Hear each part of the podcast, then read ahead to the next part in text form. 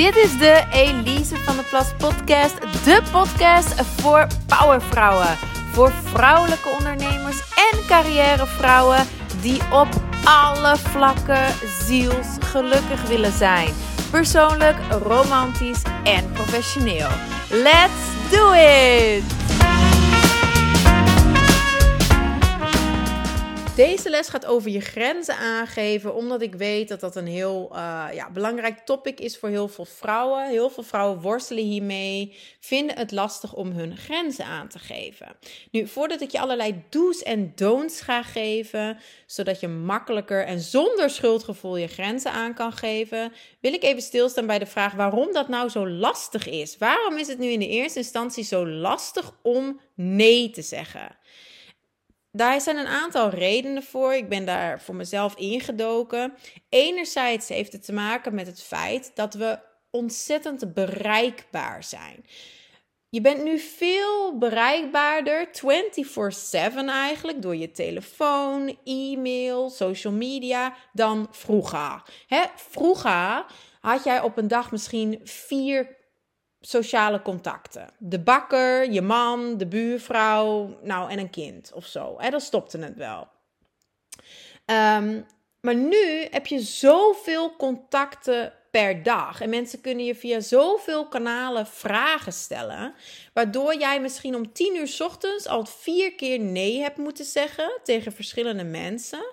Of je grens hebt moeten aangeven. Waardoor je misschien tegen de avond al zo uitgeput bent dat je dan maar ja zegt. En want het is ook geen lekker gevoel om altijd nee te zeggen. En daar kom ik zo op. Dat is namelijk omdat wij in de kern als mens conflictvermijdend ook zijn. Maar daar kom ik zo op. Dat eerste punt is dus dat je heel bereikbaar bent. Maar maak die mindset shift. Je hoeft niet heel be beschikbaar te zijn. En dat je bereikbaar bent, betekent niet dat je beschikbaar bent. Heel belangrijke eye-opener, wat ik destijds had. Dus toen ben ik daarin al voor mezelf grenzen gaan stellen om het mezelf makkelijker te maken. In mijn geval bijvoorbeeld, als je me ooit gemaild hebt, dan weet je dat. Ik heb geen mail meer op mijn telefoon, al zes jaar niet meer. Ook niet toen ik Burlesque Bar nog had en noem maar op. En het werkt prima hoor, je overleeft het echt wel. Ik heb geen mail op mijn telefoon en ik heb mijn out of office ingesteld. Dus als mensen mij mailen, dan krijgen ze een automatische reply om hun gerust te stellen: hey, je mail is goed ontvangen. Bedankt daarvoor. Uh, ik antwoord mijn mails twee keer per week. Op dinsdag en op vrijdag. Of inmiddels is het dinsdag en donderdag. Nou, geen haai die er naar kraait. Kraait? Klopt dat? Geen haai? Zei ik haai? Geen haai die er naar kraait? Nee, geen haan die er naar kraait. Echt niet. They will live. Uiteindelijk, als iemand mij op dinsdagavond mailt, dan heeft hij de pech dat diegene pas vrijdag een antwoord terugkrijgt. Nou, Twee hele dagen wachten kan echt wel hoor. Ik ben geen hartchirurg, jij ook niet waarschijnlijk. Het is niet life or death. En vaak maken we dat er wel van. Hè? Ja, maar mensen die kunnen toch niet twee dagen wachten op een antwoord? Jawel, ze kunnen echt wel twee dagen wachten op een antwoord. Er staat ook bij, als het heel dringend is, dan kun je me bellen. Maar nogmaals, ik ben geen hartchirurg, dus niemand belt mij. Iedereen wacht gewoon twee dagen. En dat is ook een grens op voorhand al voor jezelf stellen. En net Tweede punt waarom het zo moeilijk is om je grenzen aan te geven, is dus wat ik net zei: we zijn in de kern als mens conflictvermijdend. En daarom kies je dus eigenlijk vaak die makkelijke weg en laat je mensen over je grenzen gaan. Want, makkelijke weg, denk je dat is niet de makkelijke weg? Jawel. Want als je nee zegt, dan kan er potentieel een conflict ontstaan. Iemand wil iets, Iemand wil een ja, jij zegt nee. Dus dan kan daar eventueel een conflict ontstaan. Niet dat diegene jou de kop inslaat met een hamer, maar het kan ook een conflict voor jou zijn als je ziet dat iemand heel teleurgesteld is. En dan voelt dat ook als een, als een conflict, als iets wat niet helemaal lekker zit bij je. En dan kies jij dus wel de makkelijke weg ten koste van jezelf om dat conflict te vermijden door dan toch maar ja te zeggen. Nou, en dat gaat op, zeker op lange termijn, echt ten koste van jouw welzijn. Niet alleen jouw welzijn, maar ook jouw zelfvertrouwen en jouw relaties. Want gezonde relaties, niet alleen de relatie met jezelf, maar ook de relatie die je hebt met anderen, zijn gebaseerd op eerlijkheid en op openheid en op kwetsbaarheid. En ja, het voelt kwetsbaar om te zeggen: nee, ik voel me hier niet goed bij, want ik ben al uitgeput van een werkweek. Of nee, ik, ik wil dat niet doen, want dat triggert iets in mij waar ik heel verdrietig van word. Hè? En niet tegen iedereen hoef jij zo eerlijk en open te zijn. Maar als jij gewoon altijd maar ja zegt om niet die diepte in te hoeven gaan, want dat zit er soms ook achter, dan belemmer je daarmee echt jouw relaties. Nou, ik ga nog heel even hierop. Waarom is het zo lastig om je grenzen aan te geven? Ehm, het is ook vaak dat vrouwen dan tegen me zeggen: Ja, maar het is toch heel kwetsend. Ik wil mensen niet kwetsen. Nou, dat hangt een beetje samen met dat conflict vermijden natuurlijk. Maar daar wil ik nog even apart op ingaan. Je grenzen aangeven of nee zeggen is niet kwetsend. Tenzij je het op een kwetsende manier zegt. Zo simpel is het. Het is niet kwetsend, tenzij je het op een kwetsende manier zegt dat uh, zijn dan even in de notendop de redenen waarom het zo moeilijk is om je grenzen aan te geven. Nu wil ik er nog een aantal tips geven hoe je dan je grenzen aan kan geven. Allereerst is het belangrijk om natuurlijk te voelen: is het een ja of is het een nee? Want ik hoor soms ook van dames: ja, maar ik twijfel. Nou, lang verhaal kort. Als je twijfelt, dan is het een nee. In de les en in de zelfvertrouwcursus ga ik daar wat dieper op in. Maar even heel simpel, als jij twijfelt, dan is het gewoon een nee. En dan de do's en don'ts. Hoe kun je grenzen aangeven? Ja, het spreekt misschien voor zich, maar allereerst moet je natuurlijk weten wat je grenzen zijn. je moet weten wat vind jij heel belangrijk, wat zijn jouw behoeften, wat zijn jouw verlangens, wat heb jij nodig om gelukkig te zijn? Wat heb jij nodig om die beste versie van jezelf te zijn? En dan kun je alle levensgebieden afgaan, hè, van relaties tot carrière, et cetera, wat je op die verschillende gebieden nodig hebt. En dan kun je op die manier in kaart brengen wat dan jouw grenzen zijn. Welke regels jij als het ware wilt stellen binnen die categorieën om jouw welzijn te bewaken, jouw geluk en jouw succes te bewaken. Dus dat is een absolute doel. Neem je tijd om echt die zelfreflectie te doen en te bepalen wat belangrijk is voor jou en wat je behoeften zijn. Dat is de basis. Je kunt natuurlijk je grenzen niet aangeven als je niet weet wat je grenzen zijn. Dan, um, ja, de volgende wat ik je mee wil geven is: draai niet rond de pot. Hè. Een veelgemaakte fout, wat ik dus wil zeggen, dat is een don't, don't do it, is dat mensen de nee, dat vrouwen de nee gaan uitstellen. Dus dat ze eerst nog zeggen van ja, nou ja, ik, ik ga er even over nadenken. Maar ik vind het wel leuk dat je me vraagt. Maar ja, misschien moet ik even nog overleggen. Of uh, nou ja, dan kom ik erop terug. Maar je weet al lang dat je nee wil zeggen. En dat is echt de truc van een slecht nieuwsgesprek is altijd gelijk het slechte nieuws te delen. Dus niet daaromheen te draaien. Je kunt natuurlijk wel reageren eerst met een vriendelijke opmerking van oh fijn dat je aan mij denkt hiervoor, maar breng dan daarna gelijk dat slechte nieuws. Zeg dan gelijk daar die, daarna die nee. En het hoeft niet letterlijk het woord nee te zijn, hè? Maar bijvoorbeeld fijn dat je aan mij denkt hiervoor, maar het zal mij deze week niet lukken. Ik heb het echt te druk. Ik heb het woord nee niet eens gebruikt, maar ik heb heel duidelijk, maar toch vriendelijk mijn grens aangegeven.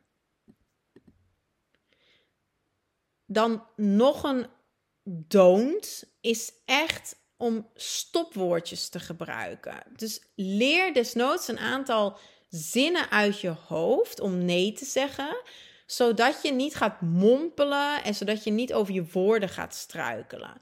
Het is echt heel belangrijk dat je goed articuleert, dat je dus duidelijk spreekt, daadkrachtig spreekt. Want als je jezelf moet herhalen, dan verliezen je woorden gelijk heel veel kracht. En dan geef je op die manier ook een opening om twijfel te creëren, verwarring te creëren en dat mensen misschien gaan proberen om toch nog een ja te krijgen. Dus je moet echt zorgen dat je heel duidelijk en daadkrachtig spreekt.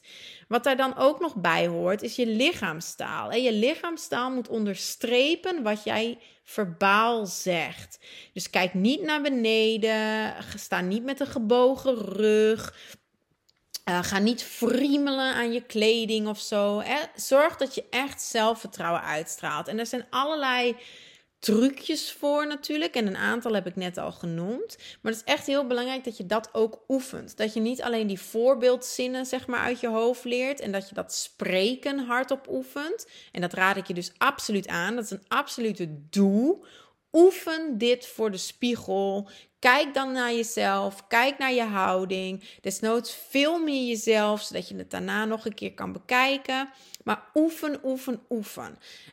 En oefen het niet alleen zelf alleen thuis, maar oefen het eerst ook op mensen die jij al kent en vertrouwt, hè, op je beste vriendin, et cetera. Voordat je het. Kijk, als je ineens verwacht van jezelf dat je nee gaat zeggen morgen tegen je baas, is dat natuurlijk een veel grotere stap dan dat je nee zegt tegen de cashier van de Albert Heijn.